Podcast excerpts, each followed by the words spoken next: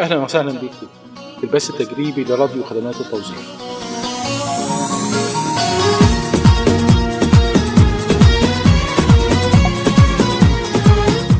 وحدات الانتقال لسوق العمل بالتعاون مع مشروع دعم التشغيل بيوفر لك وظائف للقطاع الخاص بعقد عمل تأمين اجتماعي تأمين صحي والاستقرار في بيئة العمل.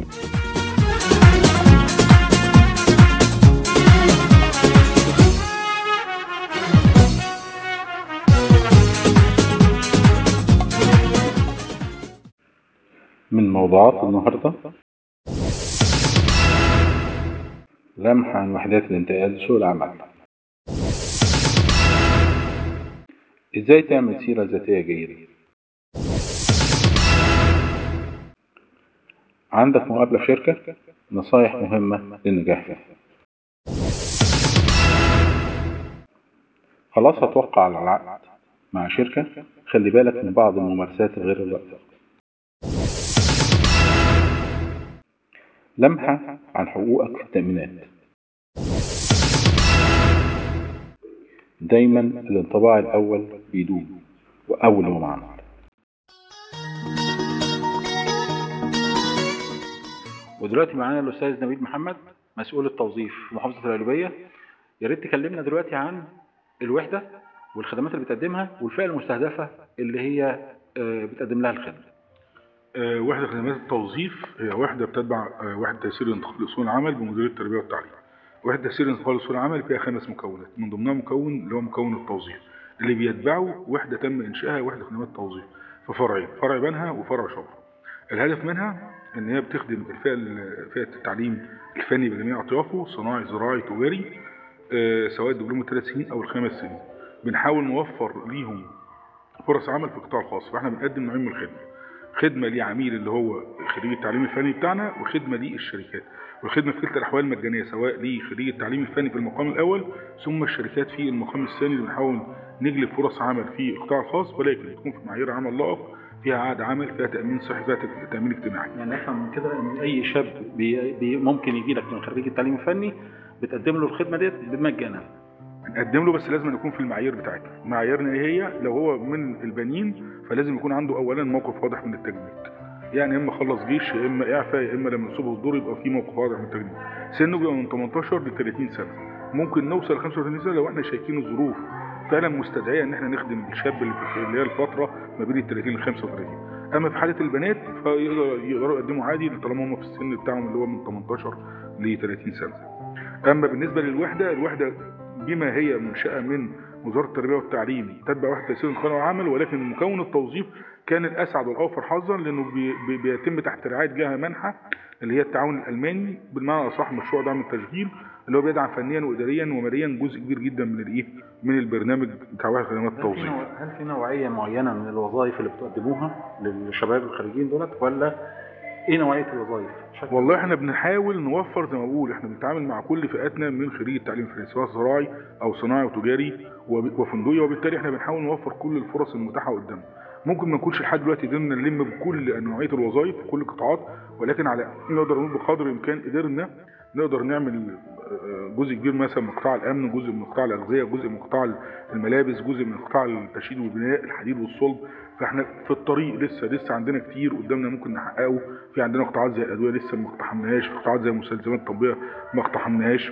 في حاجات كتيرة لسه ما دخلناش فيها فبالتالي إحنا بنحاول نوفر لكل الأطياف ولكن ده طبعا بيجي مع الوقت ما بيجيش كده يعني بسهولة يعني من من فترة لفترة يعني. دايما بنلاحظ إن الشباب بيلجأوا إن هم يروحوا يستسهلوا.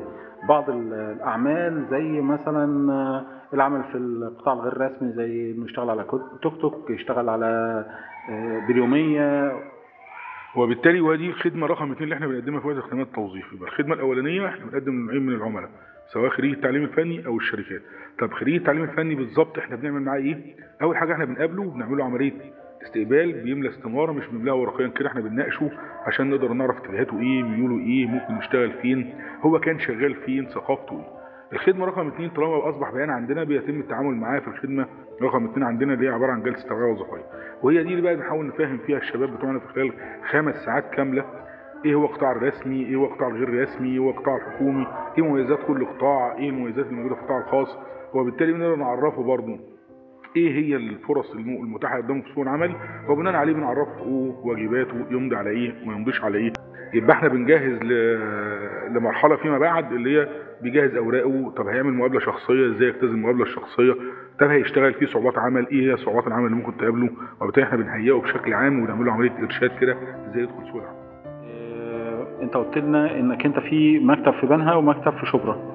آه، أماكن المكتبين بحيث إن هم يتوجهوا ليكوا في حالة الرغبة في التواصل. المكان سواء في بنها الميكانيكية أو في شبرا في مدرسة السلام ففي كلتا الاحوال الاثنين بيشتغلوا يومي الأحد والاربعاء من كل أسبوع من الساعة 9 صباحا حتى الساعة إيه؟ الثانية ظهرا بيستقبلوا الأفراد. شكرا يا أستاذ.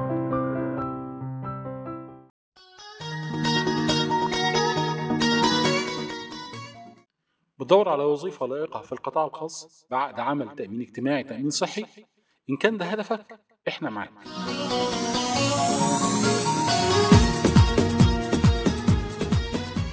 معانا الأستاذ وليد نجم مسؤول اتصال بمكتب كفر الزيات أه برحب بحضرتك وبعايز إن إحنا ن- نتكلم عن السيرة الذاتية. بعض الباحثين عن عمل ممكن يروح يقدم في أي شركة أو في أي مصنع أو في أي جهة عمل ومش واخد باله من السيرة الذاتية. إزاي إن إحنا نعمل سيرة ذاتية جيدة؟ آه، دقيقة صحيحة. إيه النصايح اللي ممكن حضرتك توجهها له وتقول له عليها بحيث إنه ياخد باله منها أثناء ما هو بيعمل أو بيجهز سيرة ذاتية عن نفسه؟ بداية برحب بحضرتك آه، أستاذ هاني. آه، لما نتكلم عن السيرة الذاتية لازم نعرف الأول هي السيرة الذاتية بتتكون من إيه. هي السيرة الذاتية بتتكون من البيانات الأساسية والمؤهلات الدراسية والخبرات السابقة وجزء خاص بالدورات التدريبية اللي حصل عليها الباحث الخاص بالمهارات واهتمامات الباحث ومشاركاته وجهات بيرجع إليها. عامة لازم يكون البيانات مظبوطة جدا ومكتوبة بعناية. زي مثلا الاسم لازم يكون رباعي. آه، تاريخ الميلاد يكون واضح.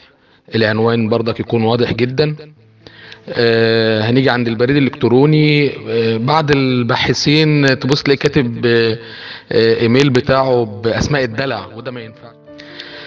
آه، الحالة الاجتماعية تكون واضحة. الموقف من التجنيد آه، لازم يكون واضح برضك في الجزء ده. هنتكلم بعد كده عن ال- المؤهلات الدراسية وديت بنكتب فيها المؤهل اللي حصل عليه ال- الباحث عن عمل. طيب في حالة إن ال- الباحث ده آه، خد كلية أو حصل على معهد بيكتب المؤهل الأحدث. يعني بيبدأ يكتب ال- المعهد اللي حصل عليه والتخصص بتاعه كان إيه؟ هنيجي بعد كده للجزء الخاص آه، بالخبرات السابقة في العمل وده الجزء اللي إحنا بنقول عليه زي اللي بنقول عليه هو ده اللعب مع الفيل بقى. يعني هو ده آه، الحاجة المهمة اللي صاحب العمل أو ال HR أول حاجة بيبص عليها في السيرة الذاتية هو الجزء بتاع الخبرات ده. آه، بتكتب اسم الشركة المدة اللي انت قضيتها مثلا قضيت سنة بتحدد المدة من إلى في الجزء بقى بتتكلم عن آه، ال- ال- الوظيفة دي. انت كنت بتقوم بتعمل إيه؟ حالة ان آه، كان في أكثر من خبرة بتكتب الأحدث آه، أول. وفي حالة آه، انك خدت أكثر من دورة تدريبية بتكتب برضو الأحدث. آه، بعد كده هنتكلم عن الجزء الخاص آه، بالمهارات آه، وفي الجزء ده بتكتب اسم ال- المهارة ودرجة الإجادة. آه، بعد كده آه، في حاجة إحنا بنسميها الوصايا آه، للباحث عن عمل وهو بيكتب السيرة الذاتية. آه، لابد إن تكون السيرة الذاتية منمقة ومنظمة آه، ما تستخدمش فيها أكتر من لون ما تبقاش مبهرجة يعني. آه، زي ما إحنا قلنا قبل كده ضرورة كتابة الاسم رباعي ويكون واضح آه، رقم التليفون ما يكونش ناقص لأن فعلا آه، ممكن تكون أنت كاتب سيرة ذاتية تقيلة وحلوة وكويسة ويقع عليك الاختيار ويجي صاحب العمل يتصل عليك آه، يلاقي الرقم ناقص فتبقى آه، الوضع إيه بقى؟ ممكن الوظيفة تروح منك.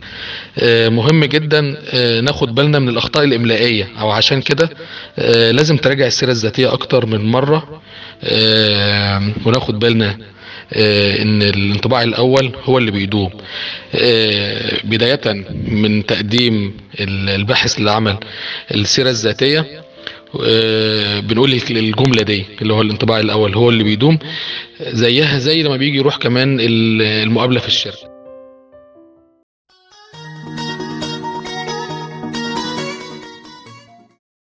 تابعنا على راديو خدمات التوظيف وإحنا معاك.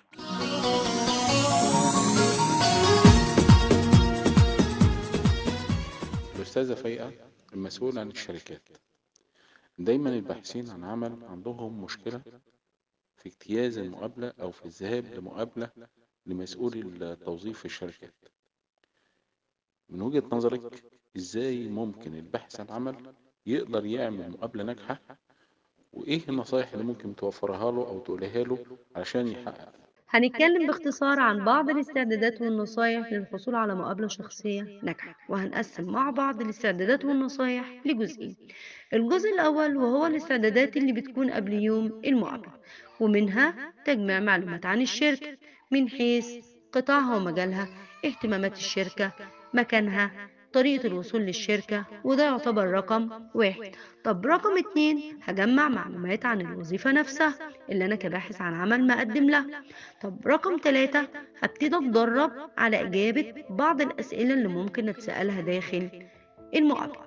بعد كده تعالوا نروح مع بعض على الجزء الثاني من النصايح والاستعدادات وهو الخاص بيوم المقابلة نفسه. وطبعا من ضمن أهم الاستعدادات دي هو الاستعداد النفسي والذهني والمظهر العام. تعالوا مع بعض نتكلم شوية عن المظهر العام. إزاي أستعد كمظهر عام؟ أول حاجة عن طريق اختيار اللبس المناسب للمقابلة على حسب طبعا المجال اللي الشركة شغالة فيه ببتدي اختار اللبس المناسب مع مراعاة إن حضرتك تبعد عن الألوان الأوفر قوي ده أكتر مع الأنسات. طيب بعد كده تسريحة الشعر حلقة دقن وده خاص أكتر بالشباب. بعد كده أو يسبق الكلام ده كله وهو إن أنا قبل يوم المقابلة أنام بدري عشان جسمي يبقى واخد قسط كافي من النوم ويكون الوش بتاعي مش مرهق وأنا بعمل المقابلة. بعد كده أو من ضمن الحاجات المهمة قوي إن أنا أحافظ على قناة الاتصال اللي بيني وبين مسؤول التوظيف في الشركة. مين هي قناة الاتصال وهي؟ العيلة وأهم نقطة أو أهم استعداد هو الاستعداد النفسي المبني على الثقة بالنفس.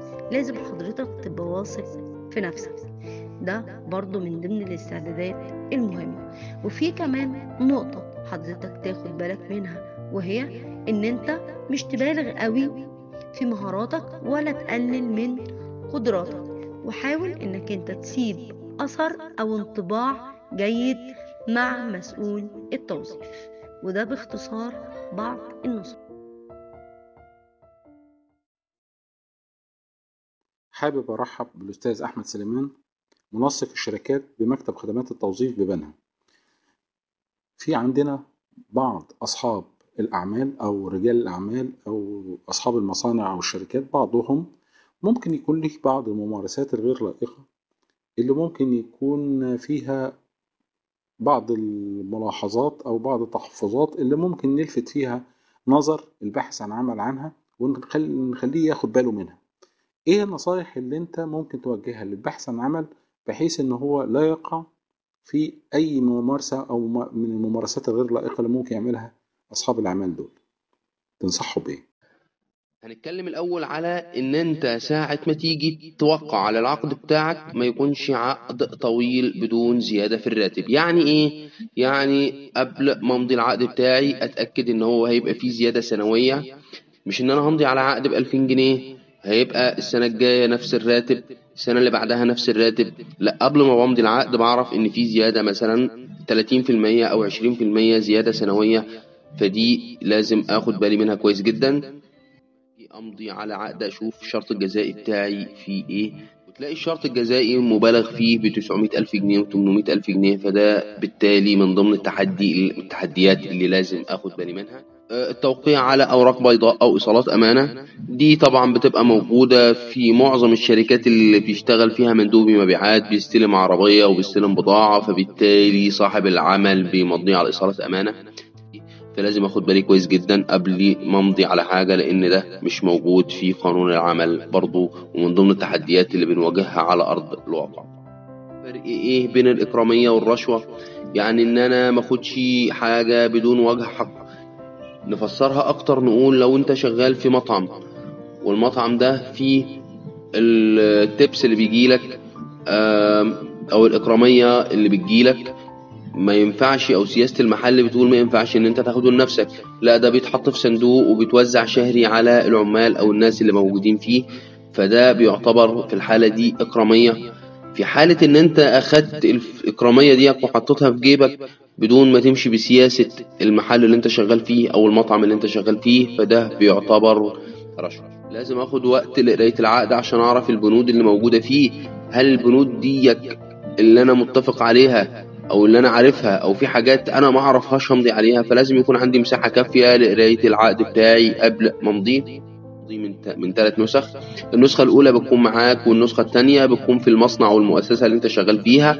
النسخة الثالثه بتكون في مكتب التأمينات الاجتماعية. أقدر أقول لكم إن إحنا اتكلمنا على بعض الحاجات الصغيرة اللي هي التحديات اللي ممكن تقابلنا قبل كتابة العقد اللي لازم ناخد بالنا منها. آه، بالتوفيق إن شاء الله. أتمنى لكم عمل آه، سعيد إن شاء الله.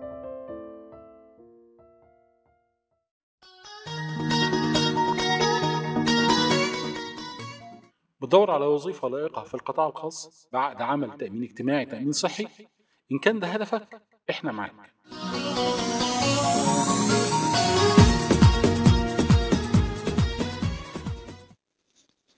الأستاذ عبد السيد ميسر خدمات التوظيف بمكتب بنا حابين نعرف بالنسبة للباحثين عن العمل أو المقبلين على العمل حديثا أكتر حاجة بتشغلهم مسألة أنا هيتخصم مني قد إيه علشان موضوع التأمينات؟ يعني موضوع التأمينات أكتر حاجة بتشغلهم حقوق. إيه لو يا ريت إنك أنت تلقي الضوء أو توضح لنا مسألة التأمينات بتتم إزاي وبيتخصم منها قد إيه والعامل لما يكون بيشتغل يبقى متوقع آه، هيتعامل يتأمن عليه إزاي أو يتخصم منه من مرتبه إيه؟ في البداية كده نحب نذكر إن في نوعين من التأمينات لازم يكون صاحب العمل بيأمنهم على الشخص المقبل على الوظيفة عنده. وإذا ما أمنش عليه في واحد منهم كده يكون بيستغله ولا يعطيه حقوقه.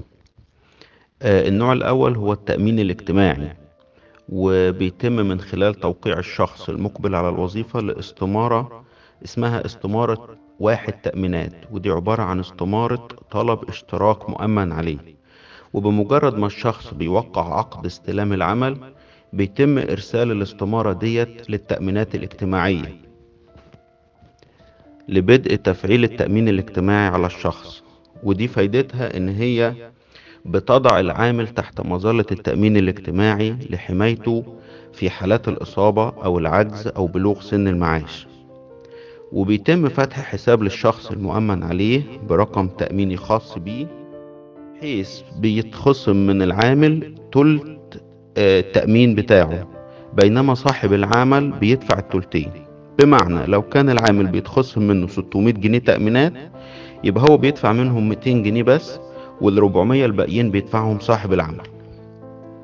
النوع التاني من التأمينات هو التأمين الصحي.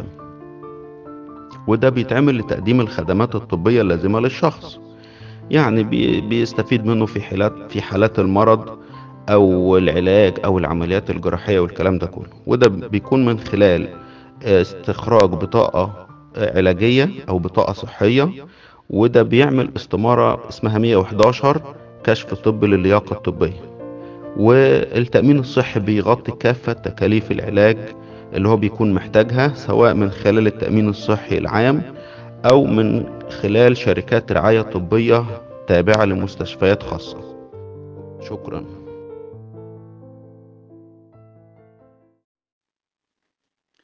آه، في البداية حابب إن أنا أرحب بالأستاذ صبحي مسؤول الاتصال بمكتب خدمات التوظيف في طنطا. آه، وحابب إن هو يكلمنا عن أول يوم عمل للباحثين. كل واحد آه، من الباحثين عن عمل أول ما بيشتغل أول يوم ده بيبقى ليه وضع خاص بالنسبة له سواء في الاستعداد ليه أو الصعوبات اللي هو ممكن يقابلها آه، في أول يوم.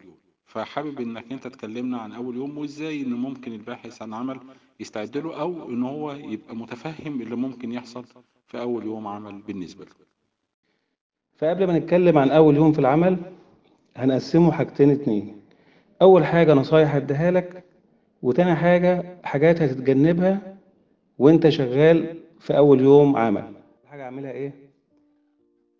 أجرب الأول الطريق بتاعي اللي أنا من بيتي لشغلي.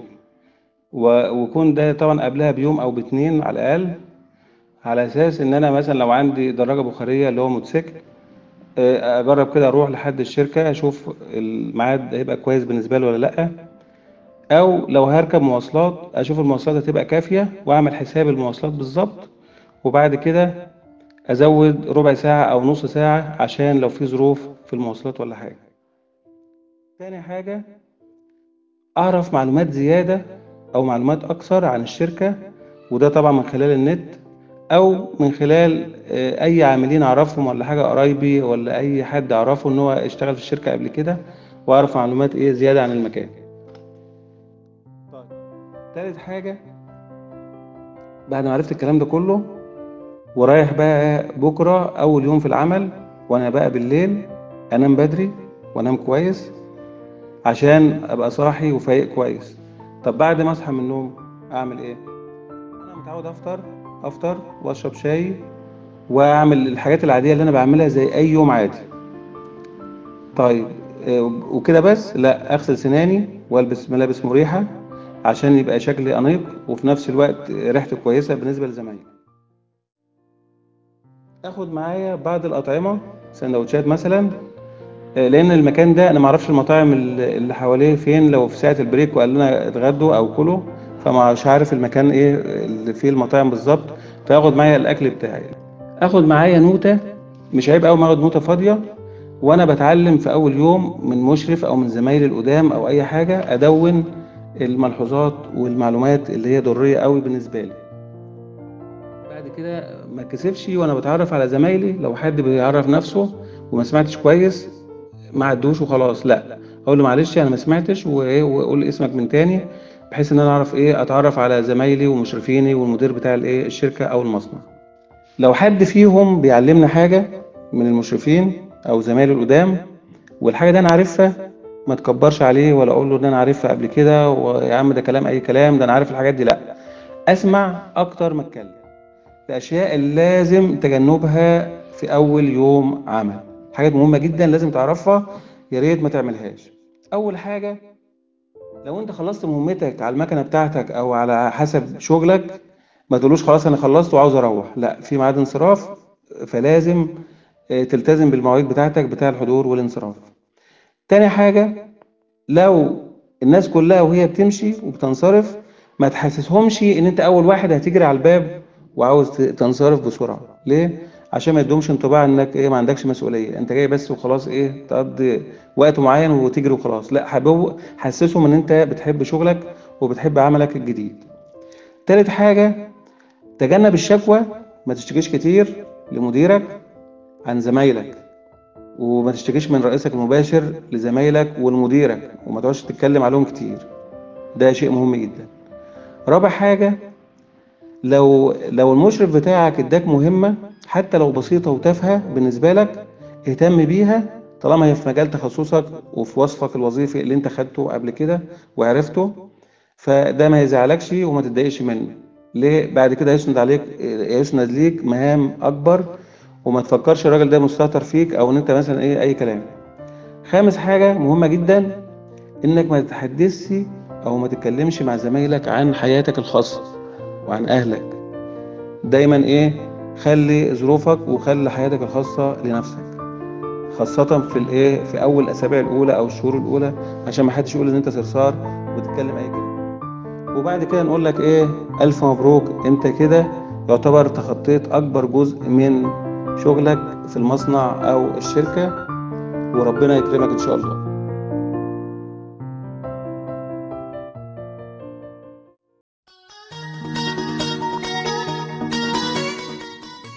نشكركم على متابعتكم. لراديو خدمات التوظيف. انتظرونا في المرة القادمة للمزيد لفرصة لائقة للعمل في القطاع الخاص. إحنا معاكم.